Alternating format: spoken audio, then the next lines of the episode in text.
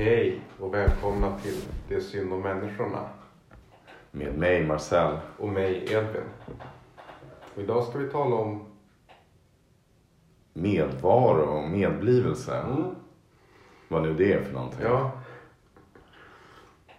Ehm, vi har precis varit i skogen här bredvid eh, där jag bor i Solberga. Och eh, hängt lite.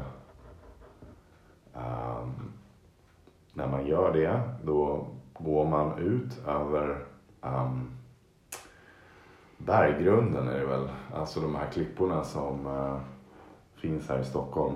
mm, Och eh, ja, skogen här, Solbergsskogen, den består av um, sån här mager tallhed, tror jag att det heter. Eller tallskog. Um, som växer då uppe på uh, berggrunden, eller på klipporna. Och sen så finns det då sänkor med mer uh, näringsrik uh, jord där det växer uh, rönn bland annat. Ja, rönn men framförallt ek. Mm. Men det växer också asp och lite andra träd. Ja. Vad... På, vilket sätt var vi då med någonting? Jo, det har vi ju redan sagt och vi var med allt det här och många andra saker. Um, dagens tema utvecklar det här som ett sätt att kanske lyfta blicken lite från uh, det mänskliga framförallt, det helmänskliga. Vi har ju pratat om häng och uh, separation, uh, sådana frågor. Alienation. Eh, och vill då kanske ta in um, icke-språkliga, taktila sätt på vilket man uh, är med och blir med sin omgivning. Mm. Um, och i det här fallet så råkar det bara vara så som till exempel att jag bor i ett hus som uh, står på en klippa. Och Stockholm också i allmänhet är ju en Även om den då, vilket vi har nämnt, och även om den i viss mån kan vara kulturellt och socialt uh, en plats uh, där det på grund av vissa dynamiker kan bli och är synd om människorna. Mm. Eh, så är själva platsen i sig, dess topografi, eh, Mm de här mäktiga klipporna som vi eh, rör oss på, som vi står på, som håller upp oss, som eh, spränger fram, som, ja, som fångar oss, som omger oss på ett betryggande sätt. Uh, de och vattnet och vyerna och de olika naturslagen och så vidare. Uh, en uh, medvaro som, uh, som gör att det något mindre synd om stockholmarna. Uh, det är faktiskt ganska lite synd om stockholmarna när man kommer till den här Rent aspekten. geografiskt. Rent exakt, Ja. vad gäller platsen i Ja. sig. Uh, så är det faktiskt, finns det en, uh, till och med någon sorts självklar, um, ett, jag vet inte om det är ett välmående, men någon form av betryggande, självklar, lite frigjord um, medvaro som är stockholmsk. Just med allt det här, att vara liksom i en sammansättning med, med klippor och vatten och, och de här krafterna och elementen.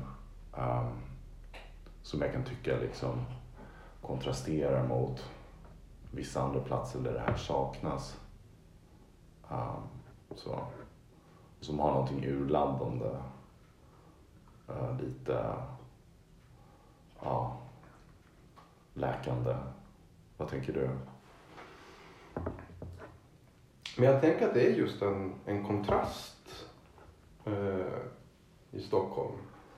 Mellan liksom det fysiska landskapet man, man innebor och de sociala sammanhangen man kan välja att vara eh, i. Och att just den kontrasten också är någonting som gör, jag vet inte, det skapar en egen dynamik som är rätt spännande. Ofta. eh, Kan jag tycka. Det finns liksom inte så många andra städer som jag upplevt som har, som har den där liksom starka spänningen. Mm. Mellan Det är någonting liksom Ja. hyper, eh, ska man säga, den här hypereffektiviteten eh, i, det, i, det, ja, men i det sociala eller arbetslivet och den här men ganska vilda naturen som alltid är väldigt nära. Mm. Eller ja, relativt vilda naturen. Mm. Mm.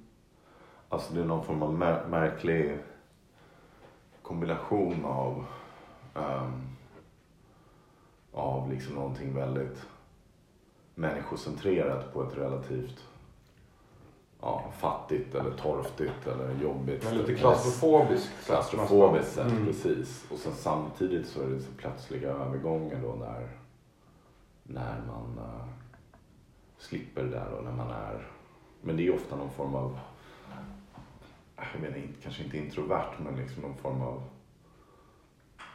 med lite meditativt tillbakadragande. Det är ofta att man kanske är själv eller ja, vare sig folk liksom tränar eller promenerar eller går ut med hunden eller vad det må vara liksom.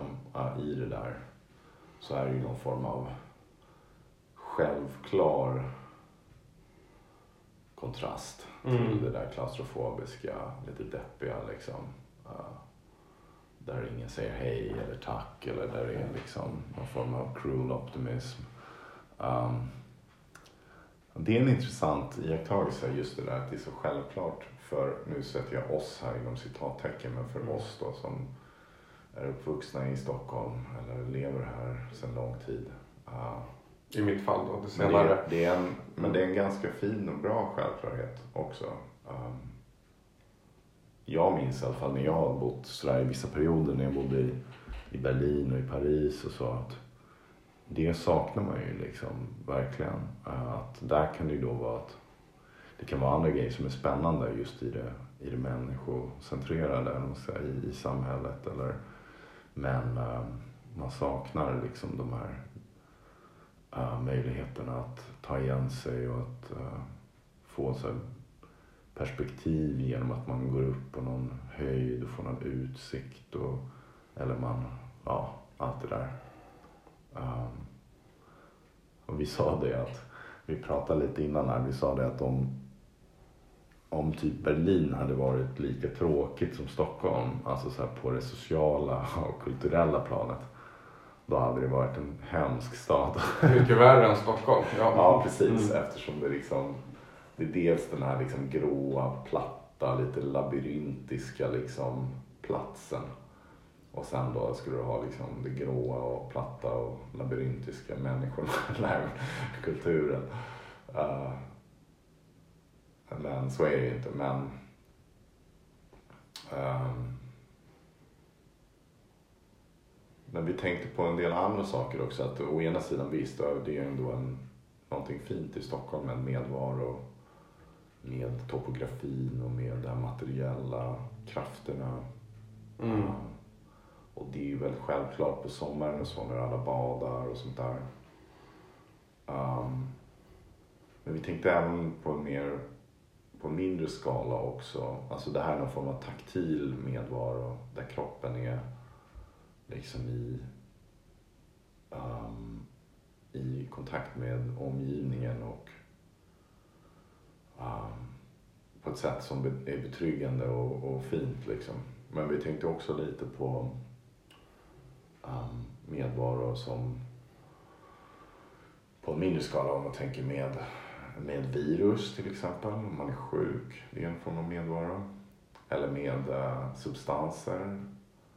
Nu pratar vi kanske om sånt som tar sig in i kroppen. Som är liksom, förutom intryck och förutom att en klippa tar sig in i kroppen genom att den håller upp dig uh, när du går på den. Så mm, även sådana saker. Um, ehm, men jag tänker att det är ju lite av ett nytt tema för vi har ju hittills pratat om häng som någonting eh, relativt aktivt som man skapar. Eh, Men nu kommer vi in på en form av Fast det är inte så aktivt, men aktivt passivt. Ja, så någon form av estetisk. Ja, men, men, men det jag menar är att men nu kommer vi till en, en ny grad av passivitet. Liksom, om liksom hänget vi alltid, som alltid förutsätts. Eh, men som vi inte tänker på så ofta. Ja kanske. precis. Mm. Exakt. Så Så det det är dels- liksom häng, hänget som ontologiskt grundvillkor. Ja, precis. Ja, Mm. precis. Så att det är någon form av ehm, estetisk, Mm. eh, ekologisk ehm, tillvaro liksom där man är i kontakt med allting annat Mm. på ett sätt.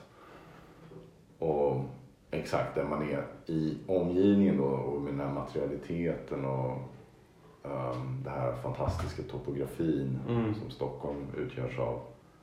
Då är det ju på något sätt att man är en droppe i ett hav liksom. Att det är liksom en... Um, allting är liksom mycket större än en själv. Och det är den liksom känslan som är betryggande. Att man liksom Mm. är i en... Man är liksom del av någonting som... Ja, som, tar, som på något sätt tar hand om en. Uh, eller liksom man tänker att man är så, man är genom att, att man är liksom koordinerad av alla de här krafterna och, och sakerna utifrån. Uh, det var något intressant om det. Vi, jag vet inte vad det var i, men att man tänker liksom att ett subjekt är verkligen till genom yttre objekt och yttre människor. Jo, just det, det var en vän som tog väldigt mycket LSD och som då när hela världen liksom försvann eh, egentligen då han liksom upplevde att hans eh, subjekt löstes upp och att han var eh, då var det väldigt mycket ett resultat av det faktum att det liksom inte fanns några eh, begripliga omkringliggande ting eller människor eller men sen när hans bror dök upp och liksom räddade honom lite ur det här ruset då var det som att han nyktrade till på direkten av den här uppenbarelsen av brodern som en liksom koordinat för det egna jaget. Mhm. Och jag tänker liksom att den, alltså alltifrån, men även isoleringsceller, eh, de har ju det, alltså den extremt nedbrytande eh, processen av att du inte, dels givetvis att du inte har några andra människor omkring dig, men, men även liksom att väggarna är målade på ett visst sätt så att du kan inte uppleva några konturer.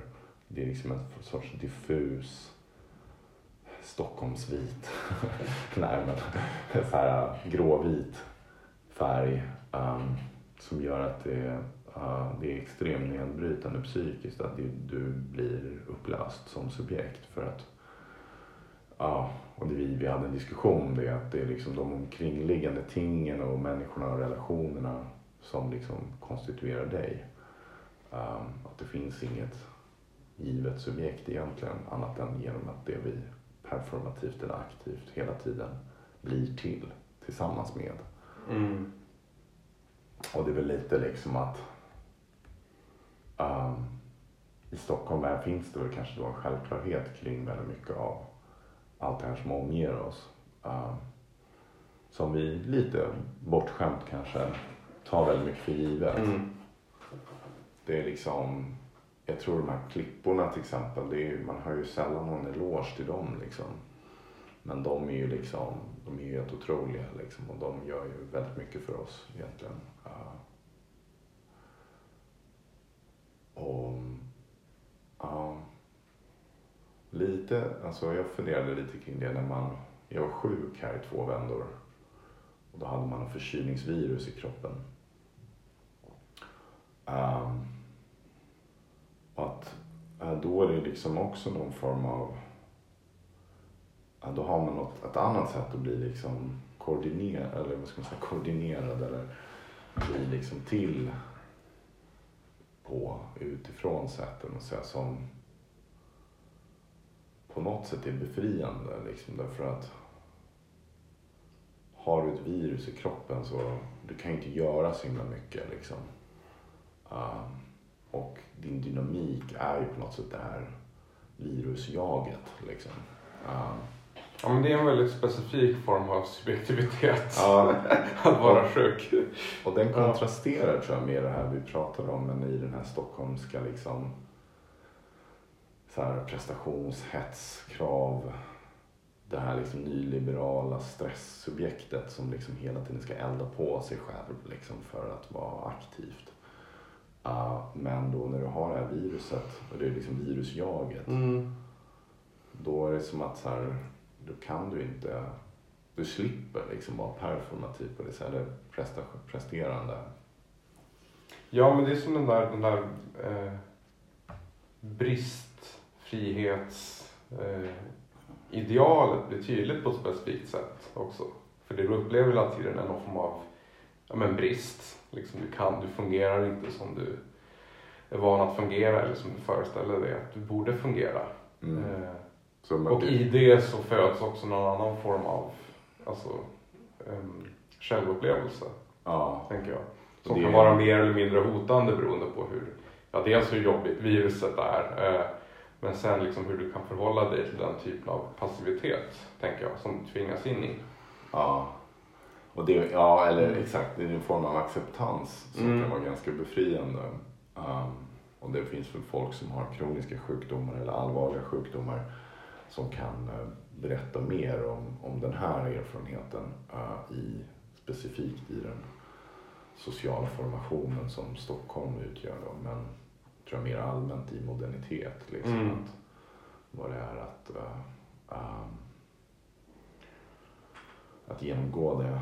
Ehm, men, men just det där med viruset det är lite intressant för det är som att man är liksom, liksom man blir, man känner ändå att man blir konstituerad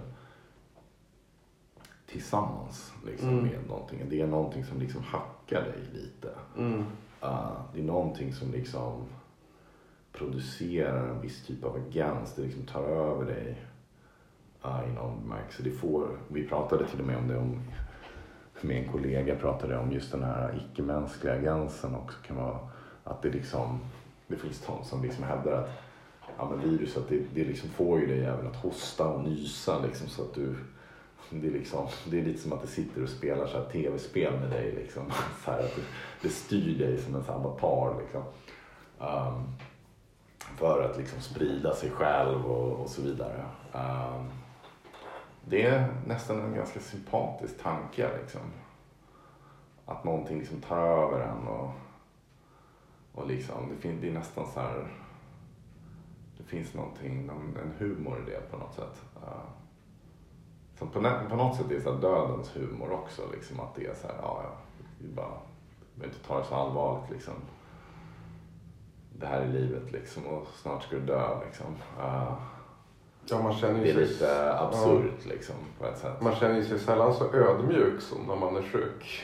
Jag tycker. Ja, precis. På gott och ont. Ja. Men det är väl acceptans Ja. liksom. Ja. Um, Men ja. Men hur tänker vi kring det här för, alltså förhållningssättet till den typen av passivitet? Jag vet inte, jag tänker att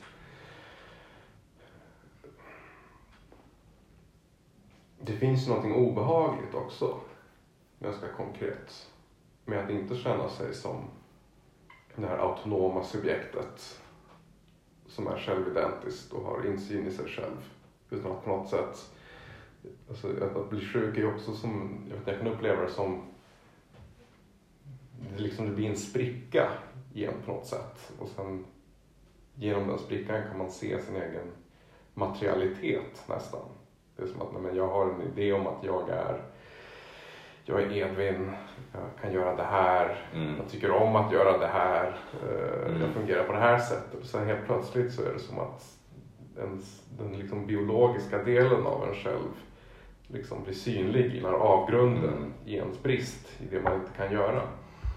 Ja, Eh, men det är bara, och jag kan tycka det är det ganska... bara framstår som en så här köttig angreppspunkt för cancer. Ja, men det är, ja, kanske inte cancer just, men det, är- men, men det är ändå någonting, alltså jag, jag kan uppleva det som, det finns en ödmjukhet och en acceptans i det också, men det finns också någonting ganska obehagligt i att känna sig så alienerad från sig själv.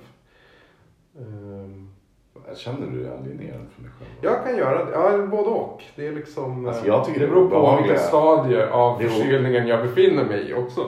Jag tycker det, det obehagliga och det som Ja. också är liksom frigörande, det är just att man in, tvärtom, man är liksom, det är som en sån här dos av, av alienering som nästan är, så Ja, här, jo, jo. Nej, men, ja, ja, som nästan ja. är som ett rus liksom, Jo. i den bemärkelsen att det kan vara överväldigande. Det var lite det jag sa det här med så här, Ja. att man bara, ja men jag är ju så här, Mm. jag är bräcklig så här.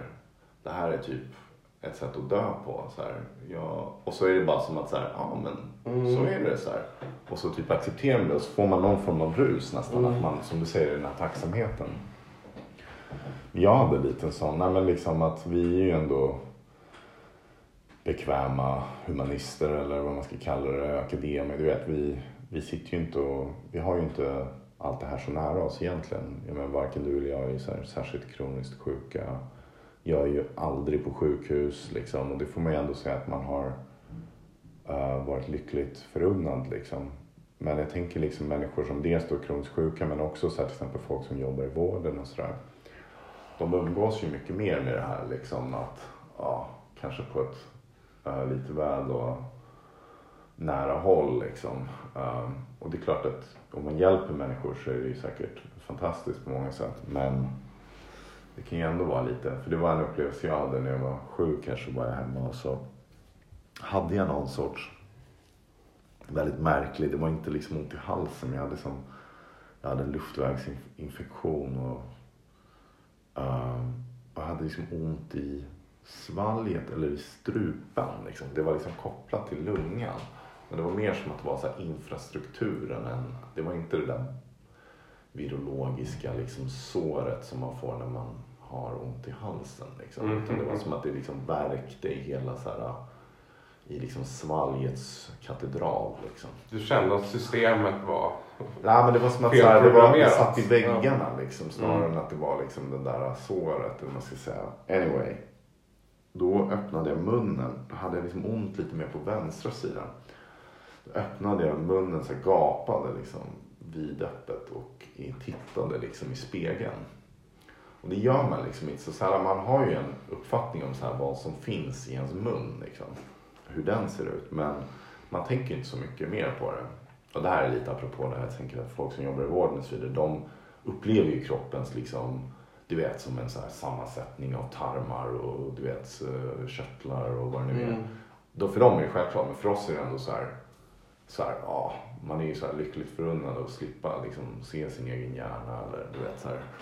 Ja, men liksom, och då tittade jag liksom in i det där i svalget och så ser jag liksom bara så här typ sådana märkliga körtlar eller grejer som man liksom tänker så här, ah, men det där, det, det, det är liksom okej, det var typ svullet liksom. Eller du vet, man får så här, kan få så här afne, då kan det också vara så här grejer som typ sväller i ens mun eller svalg och så här.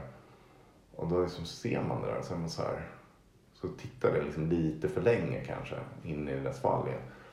Och då liksom ser man sig själv inifrån typ. Typ som att det är någon sån här du vet sondkamera som liksom åker runt i ens kropp liksom. Uh, och, då, och då fick jag den där känslan av så här, shit jag är ju bara liksom en så här eh, cellulär liksom sam, du vet, sammansättning. Du vet jag går runt och tror typ att jag är så här hälsosam och du vet och så vidare. Men det är så här, fan jag kommer ju få cancer när som helst. Typ. Och, eller, du vet, så här, eller du vet, så här, det, här är så här, det här är ju alldeles för skört för att liksom för att kallas liksom en hälsa. Du vet, jag vet inte, jag, jag fick liksom en sån jag bara såg det där och bara såg det där liksom kan när som helst ligga liksom på, på akuten och vara liksom kopplat till massa rör och trådar. Liksom. Jag vet inte, jag fick en sån där uh, lite obehaglig. Ja, jag skulle just fråga, var det liksom ångestfyllt eller var det... Nej, inte jättemycket. Men, nej, det var en ödmjukhet men det Ja. var lite så här, det var väldigt liksom materiell Mm. köttigt liksom. Det var bara så här, ja du tror att du är du och du är liksom en person, ett narrativ och så vidare. Men du är liksom i själva verket bara en så här avancerad cellulär organism liksom. Mm. Som går runt och tror att du heter Marcel liksom. Så här. Och det var, du vet, jag är ju ändå någon form av materialist liksom så. Men det var ändå lite så här. Ja men det, det fick ju för sig mig att känna. alltså, det är jag- skillnad mellan att vara materialist och uppleva materialitet. Ja men du liksom upplevde någon form av så här.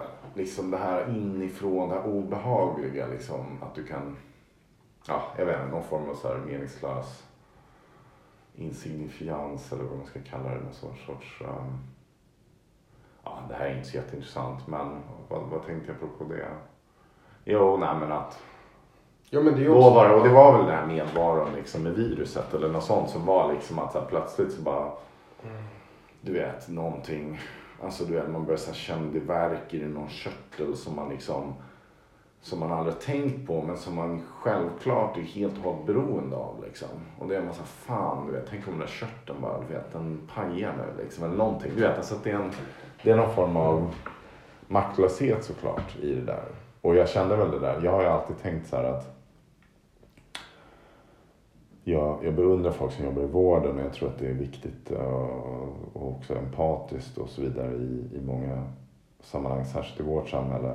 Uh, men, men jag har själv känt att jag är glad så länge jag slipper liksom sjukhus. Mm. Så länge det går liksom. Mm. Förr eller senare landar man ju där ändå liksom. Men, um, och där, inte, den, den känslan, den, ja men du vet att lyxen att slippa liksom är ja, den kändes väl ganska tydligt då också liksom, när man ser det där svalget liksom. Och, ja.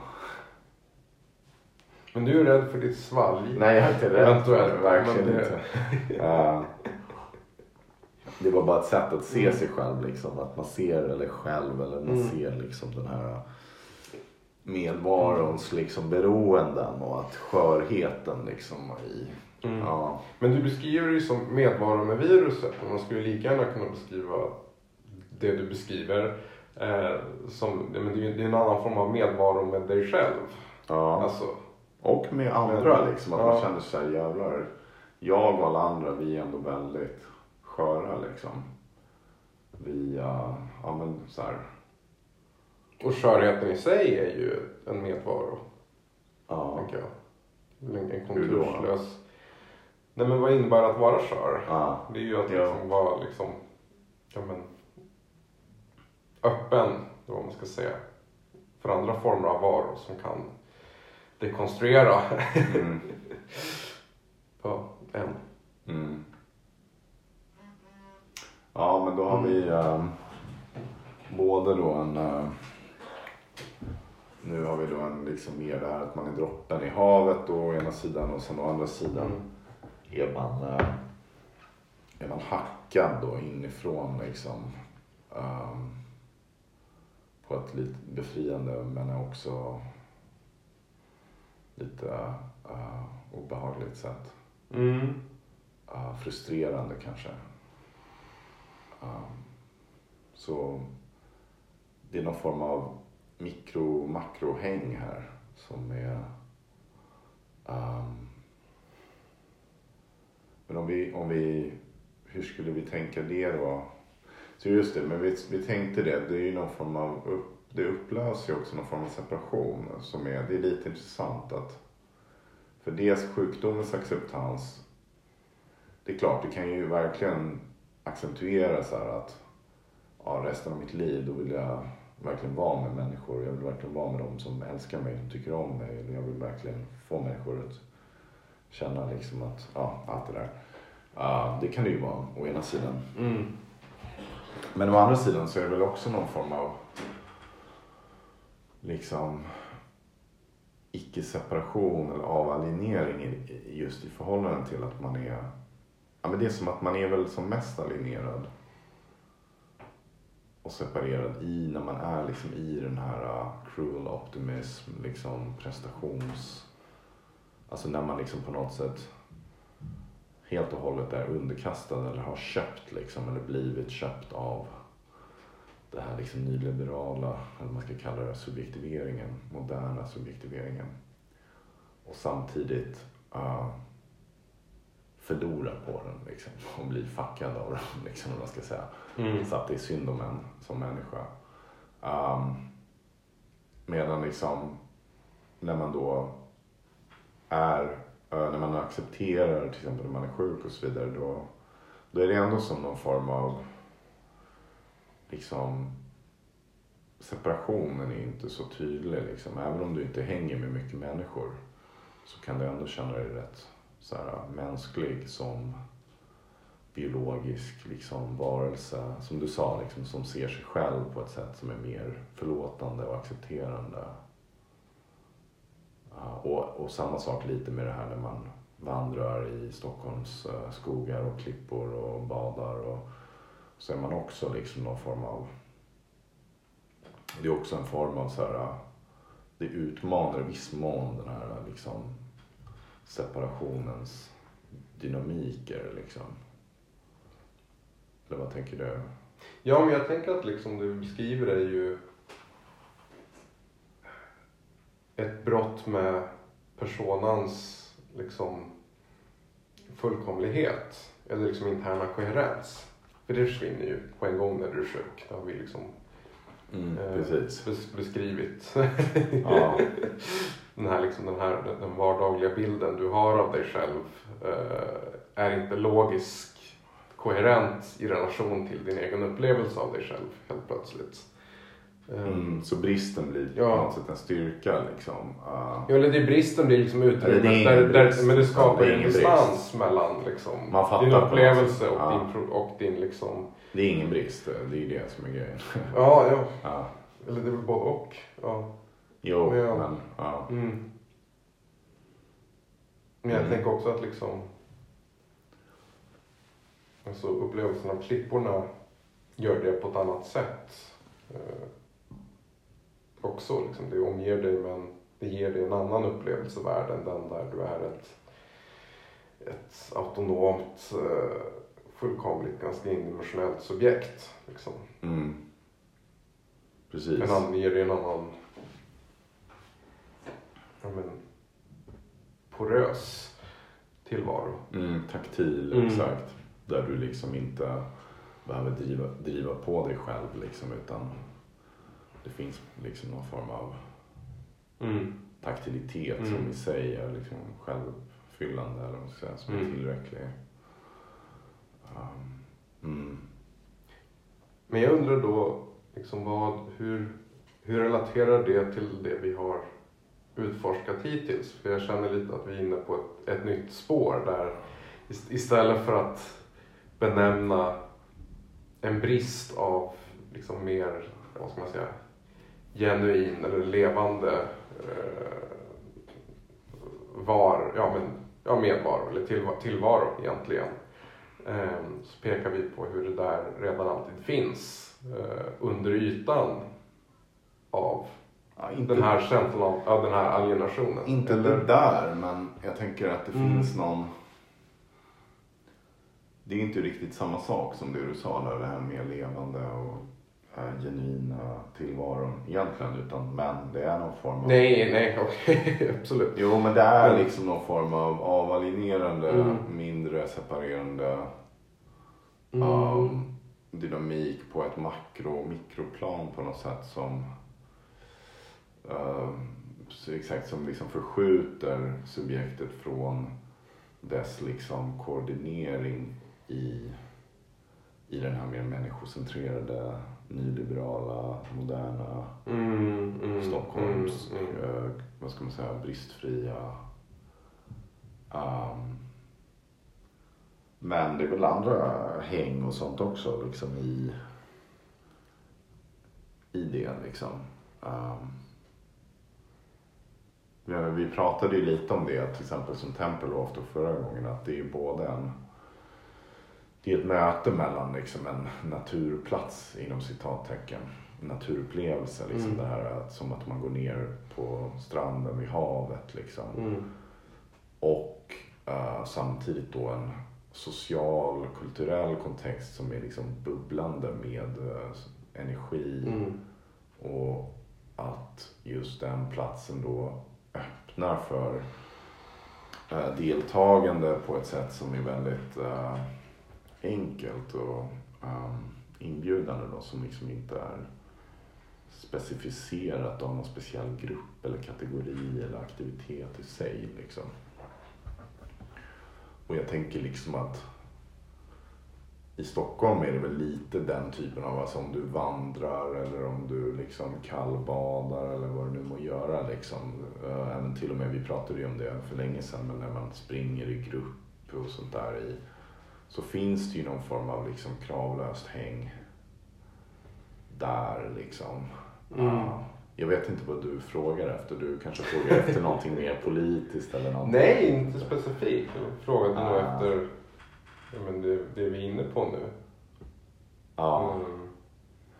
För jag tänker också att det knyter ju an till det vi pratade om eh, förra gången om Tempelhof just att det faktum att det, liksom, ja, men det, det kulturella fenomenet Tempelhof är just bundet till en geografisk eh, liksom eh, Jo. Geografisk plats är liksom fel ord men liksom någon form av liksom rums, ett väldigt konkret rumsligt eh, fenomen eh, gör att det drar sig undan de här formerna av men, social differentiering och eh, liksom statiskt hierarkibyggande som, Och som man är- annars kan uppleva subkulturellt. Så att det, Mm.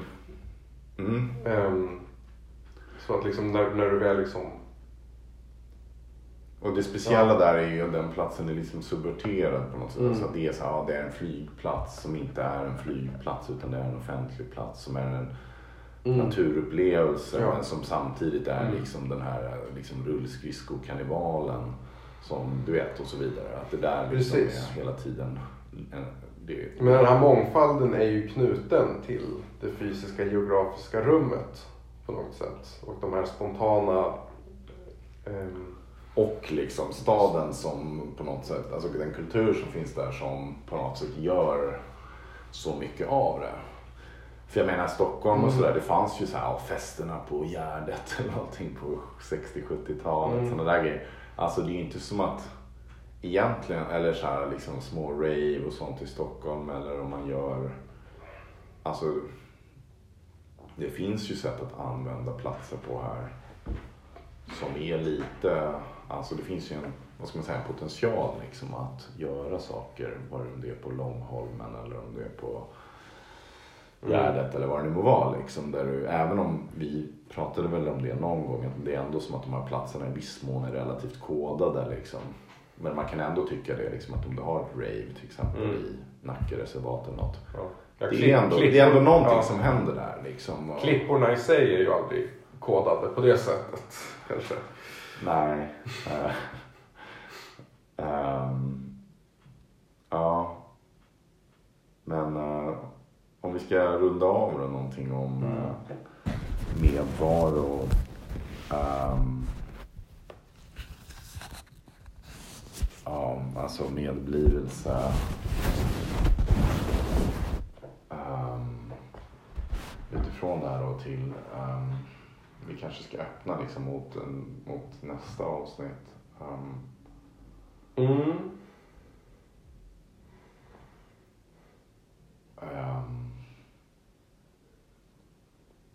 jag vet inte vad... Ja, en annan är ju... Ja, jo, just det, men vi tänkte ju också på... Det kanske är lite mer, inte helt uppenbart um, enkelt att förstå positivt. Så, men vi, funderade ju en del kring medvaro och medblivelse genom substanser och sånt också. Det är också någon form av så här, någonting som tar sig in i din kropp och liksom konfigurerar dig. Men, vi är ju, alltså våra kroppar är ju hela tiden i någon form av medvaro och medblivelse.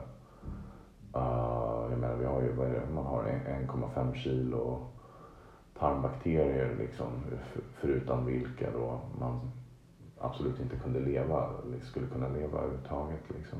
Um, um, bara som ett exempel. Um, Jag tänker att alltså, och, det intressanta med substanser i sammanhanget är väl inte att, att de eh, ger en tillgång till medvaro som skulle vara någonting man saknade annars, men just att det blir så tydligt. Du inser liksom din egen, men, ditt eget beroende av det som går in och ut ur dig och hur det formar din subjektivitet. ja, om det är Mm. typ droger tänker du eller så liksom. Ja, eller vad som helst. Ja, eller Mm. liksom, men vad, tror- som helst, alltså det behöver inte vara droger, men Det är inte en vad som- stark krydda eller Ja, något exakt, som någonting som är en, en extrem liksom. Ja, men man tänker inte så mycket på det heller. Nej. För till exempel att du, eh, ja, men du, man tänker att man är ju koordinerad då på något sätt av eh, ja, men till exempel man dricker då kaffe på morgonen och man du vet, Mm. dricker te och man tar en öl och liksom man, allt vad, vad det nu är som görs. Um, som verkligen liksom, Mm. och man märker då de gånger man liksom inte gör det, då händer det alltid grejer och det kan ju vara positivt och negativt liksom. Men, och i värsta fall då folk som röker eller snusar eller vad det nu må vara liksom, hur det kan så här, ja, påverka en för resten av livet liksom. Ja. men uh, Uh, det var mer att vi kanske ville synliggöra att det är en otrolig liksom, mängd av medvaro och medlidelse som är intressant att liksom, förhålla sig till. Uh, men i deppigaste fall också, det har vi ju redan gått in på, men så här, digital medvaro. Mm. liksom, eller liksom att hela tiden vara det här man upplever att man är i kontakt med folk i något så här evigt nu genom sin uh, den medvaron har vi ju berört tidigare men liksom genom att vi går ju runt med våra iPhones liksom klistrade mot våra kroppar liksom. Um, och att där är vi i kontakt på något sätt Mm. genom sociala medier eller Mm. andra, andra sätt. Inte så ofta genom att vi ringer varandra som vi har också pratat om men det kan ju också ske.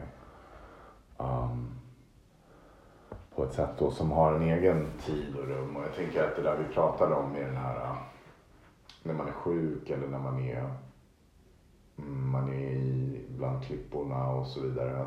Det öppnar liksom en annan typ av temporalitet liksom också i, alltså att det är en medvaro som är, så det är väl i den märks att det också liksom, det utmanar ju liksom en Mm.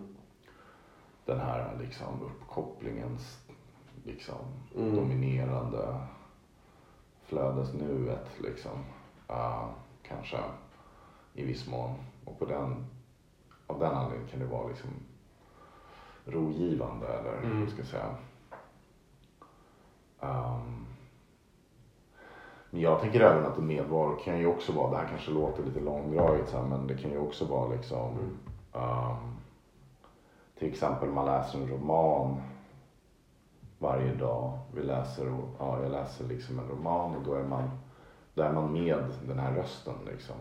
Um, eller en medvaro kan ju också vara att någon lyssnar på min röst just nu liksom i den här podden till exempel. Alltså att det kan vara ett sätt att, att vara och bli med, ja, alltså du fattar vad jag menar, det är ju ganska självklart. Um, Ja men de delar av ens upplevelseflöde som men är konstituerar den hela tiden. Ja, precis. Men jag kan tycka att romaner är väldigt fascinerande. Eller ja, om man nu ska kalla det romaner, men alltså liksom mer litterära Mm. verk. Det kan ju vara mer alltså självbiografiska eller vad det nu må vara. Liksom måste Mm. inte vara romaner. Men det är liksom en, det här att vara i kontakt med en uh, författares röst. Uh, där författaren i sig, alltså det här litterära, det pratade vi om i förhållande till det här med individ och divid. Mm. Alltså att individen är på något sätt kopplad till förmågan att, um, att liksom uttrycka sig, att formulera sig språkligt och att liksom göra det genom en performativ, repetitiv praktik som är skriften liksom, Mm. och, och eh, som är vacker Mm. i någon bemärkelse. Jag menar även liksom akademiskt skrivande och tänkande kan ju vara vackert i den bemärkelsen att det är liksom skarpt och välskrivet. Liksom. Um, och att det samtidigt kan vara liksom rogivande om det är liksom skrivet på ett bra sätt. Mm, mm. Och det där är rätt fascinerande med, eller vi pratar om det här liksom väldigt mycket medvaro och medlidelse idag och den är mer individuell i bemärkelsen att det liksom är att man liksom hela tiden är på något sätt primad och triggad av, uh, av de här liksom mobil, uh, vad heter det, notifications liksom. Alltså att det blippar in och blippar ut och det vibrerar och, och det liksom avbryter oss i vår liksom förnimmelse vad vi Mm. är liksom. Mm. Medan det litterära då, när du läser liksom ett välskrivet, liksom vårdat. Det finns ju någon form av så commitment och någon form av så omvårdande um, del i det. Alltså litterära, performativa, i själva skrivandet i sig. Liksom. Mm. I liksom den här röstens framträdande och uh, som är väldigt fascinerande. Egentligen Mm. är ju uppfinningen, alltså litteratur som en typ av teknologi. Uh, självteknologi eller med det här litterära narrativet och rösten är en otrolig, ganska bisarr liksom mänsklig Mm. erfarenhet. Mm. Men som också är, alltså den är ju individualiserande ofta. Mm. Ofta tar ju människor som är liksom introverta och som upplever att de, ja, inte liksom har utrymme att vara och bli i det här mer Mm. konformistiska, extroverta, liksom Mm. konventionella samhället. De tar ju, kan ju då i alla fall i vissa kulturella och historiska kontexter då ta sin tillflykt till ja, till litteraturen, eller man ska säga, till det här subjektskapande som är liksom ofta kopplat till någon form av mer, någon alstring av mening eller meningsfullhet. Alltså en förhållande i kontrast då till det här liksom dividens, um, den digitala anarkin som vi har pratat om till exempel. Då. Um, Mm. Jag vet inte vad jag vill säga med allt det här men det är väl någon form av kartografi liksom att vi vidgar, vi kopplar tillbaka här nu till en del saker vi har gjort Mm. som jag har pratat om att, um, att medvaron är, är med många olika saker. Men att det är vissa dynamiker som är mer, jag vet inte vad man ska kalla dem, frigörande kanske Mm. är ett sätt att prata om det men de är liksom mer Mm. rogivande och bevarande. Mm. Um, jag vet inte vad du tänker där men um, Nej precis, hur bedömer man mer eller mindre liksom är en, konstruktiva situationer. är en, är är, en medvaro, en långsiktig medvaro som i Stockholm med klippor och allt det där. Är det en, är det ett så här fysiskt, eh, är det en så här materiell semiotiskt eller liksom fysiskt narrativ? Alltså är det en berättelse liksom? Det, det är liksom ett sätt att, och vice versa då är det här medvaron i romaner, den är ju, alltså det, den är ju materiell, det måste den ju vara. Det kan ju inte vara någonting annat. Alltså, du har ju böcker, du har ju bokstäver, det är ju svarta tecken som liksom, Mm. men som ändå liksom öppnar för ett så, en så komplex mänsklig erfarenhet av, av liksom att vara i någon sorts mänskligt psyke eller mänsklig, vad det nu är, tillvaro. Uh, Mm. Det är ganska intressant. uh, Men är det någonting vi ska prata mer om nästa gång kanske? Ska vi? Jag vet inte, det vore inte. spännande men det kanske inte men vad? Vad är det då? Vad är det? Vad menade du? Alltså ska vi Ja, prata rum, om... jag vet inte, rummets Ru- Aha, du Ja. menar det här att det är Ja. någon form av... betyd, Att- att det- är att- betydelsebärande. Ja, just det. Att det, ja. att det materiella, det här Mm. immanenta som vi ändå är intresserade av kräver någon form av... Meningsskapande. Ja, precis. Alltså det kräver ett... Mm. Eller alltid bär på en skapad mening. Ja, eller Mm. liksom för att vi inte ska Mm. hamna i någon form av så här uh, nihilism då, där Mm. det mikropolitiska, eftersom det här är ju någon form av Mm. mikropolitisk podd, och där det mikropolitiska går förlorat eller Mm. underkastas på något sätt någon form av hedonism eller Mm. nihilism, så, så kanske vi ska det. Ja. Mm. Utforska det mer. Jo just det, Som för vi, vi hade ju det här, vi hade ju det här politiska projektet också att så här, vi ska skapa någon så här bildnings så här bildningsprojekt för alla new ageare. Så att de ska, så här, prata mer om ska det. läsa Ja, klassiker. Mm. och sitta och föra anteckningar. Mm. Nej. Mer nästa gång. Då har vi Detta. eh, Mm. utforskat medvaron Mm. och medblivelsen Mm. I Stockholm med virus Och klippor. och romanröster Och poddar. och iPhones och Solberga och Stockholm. Och Stockholm. Ja. Tack, hej då.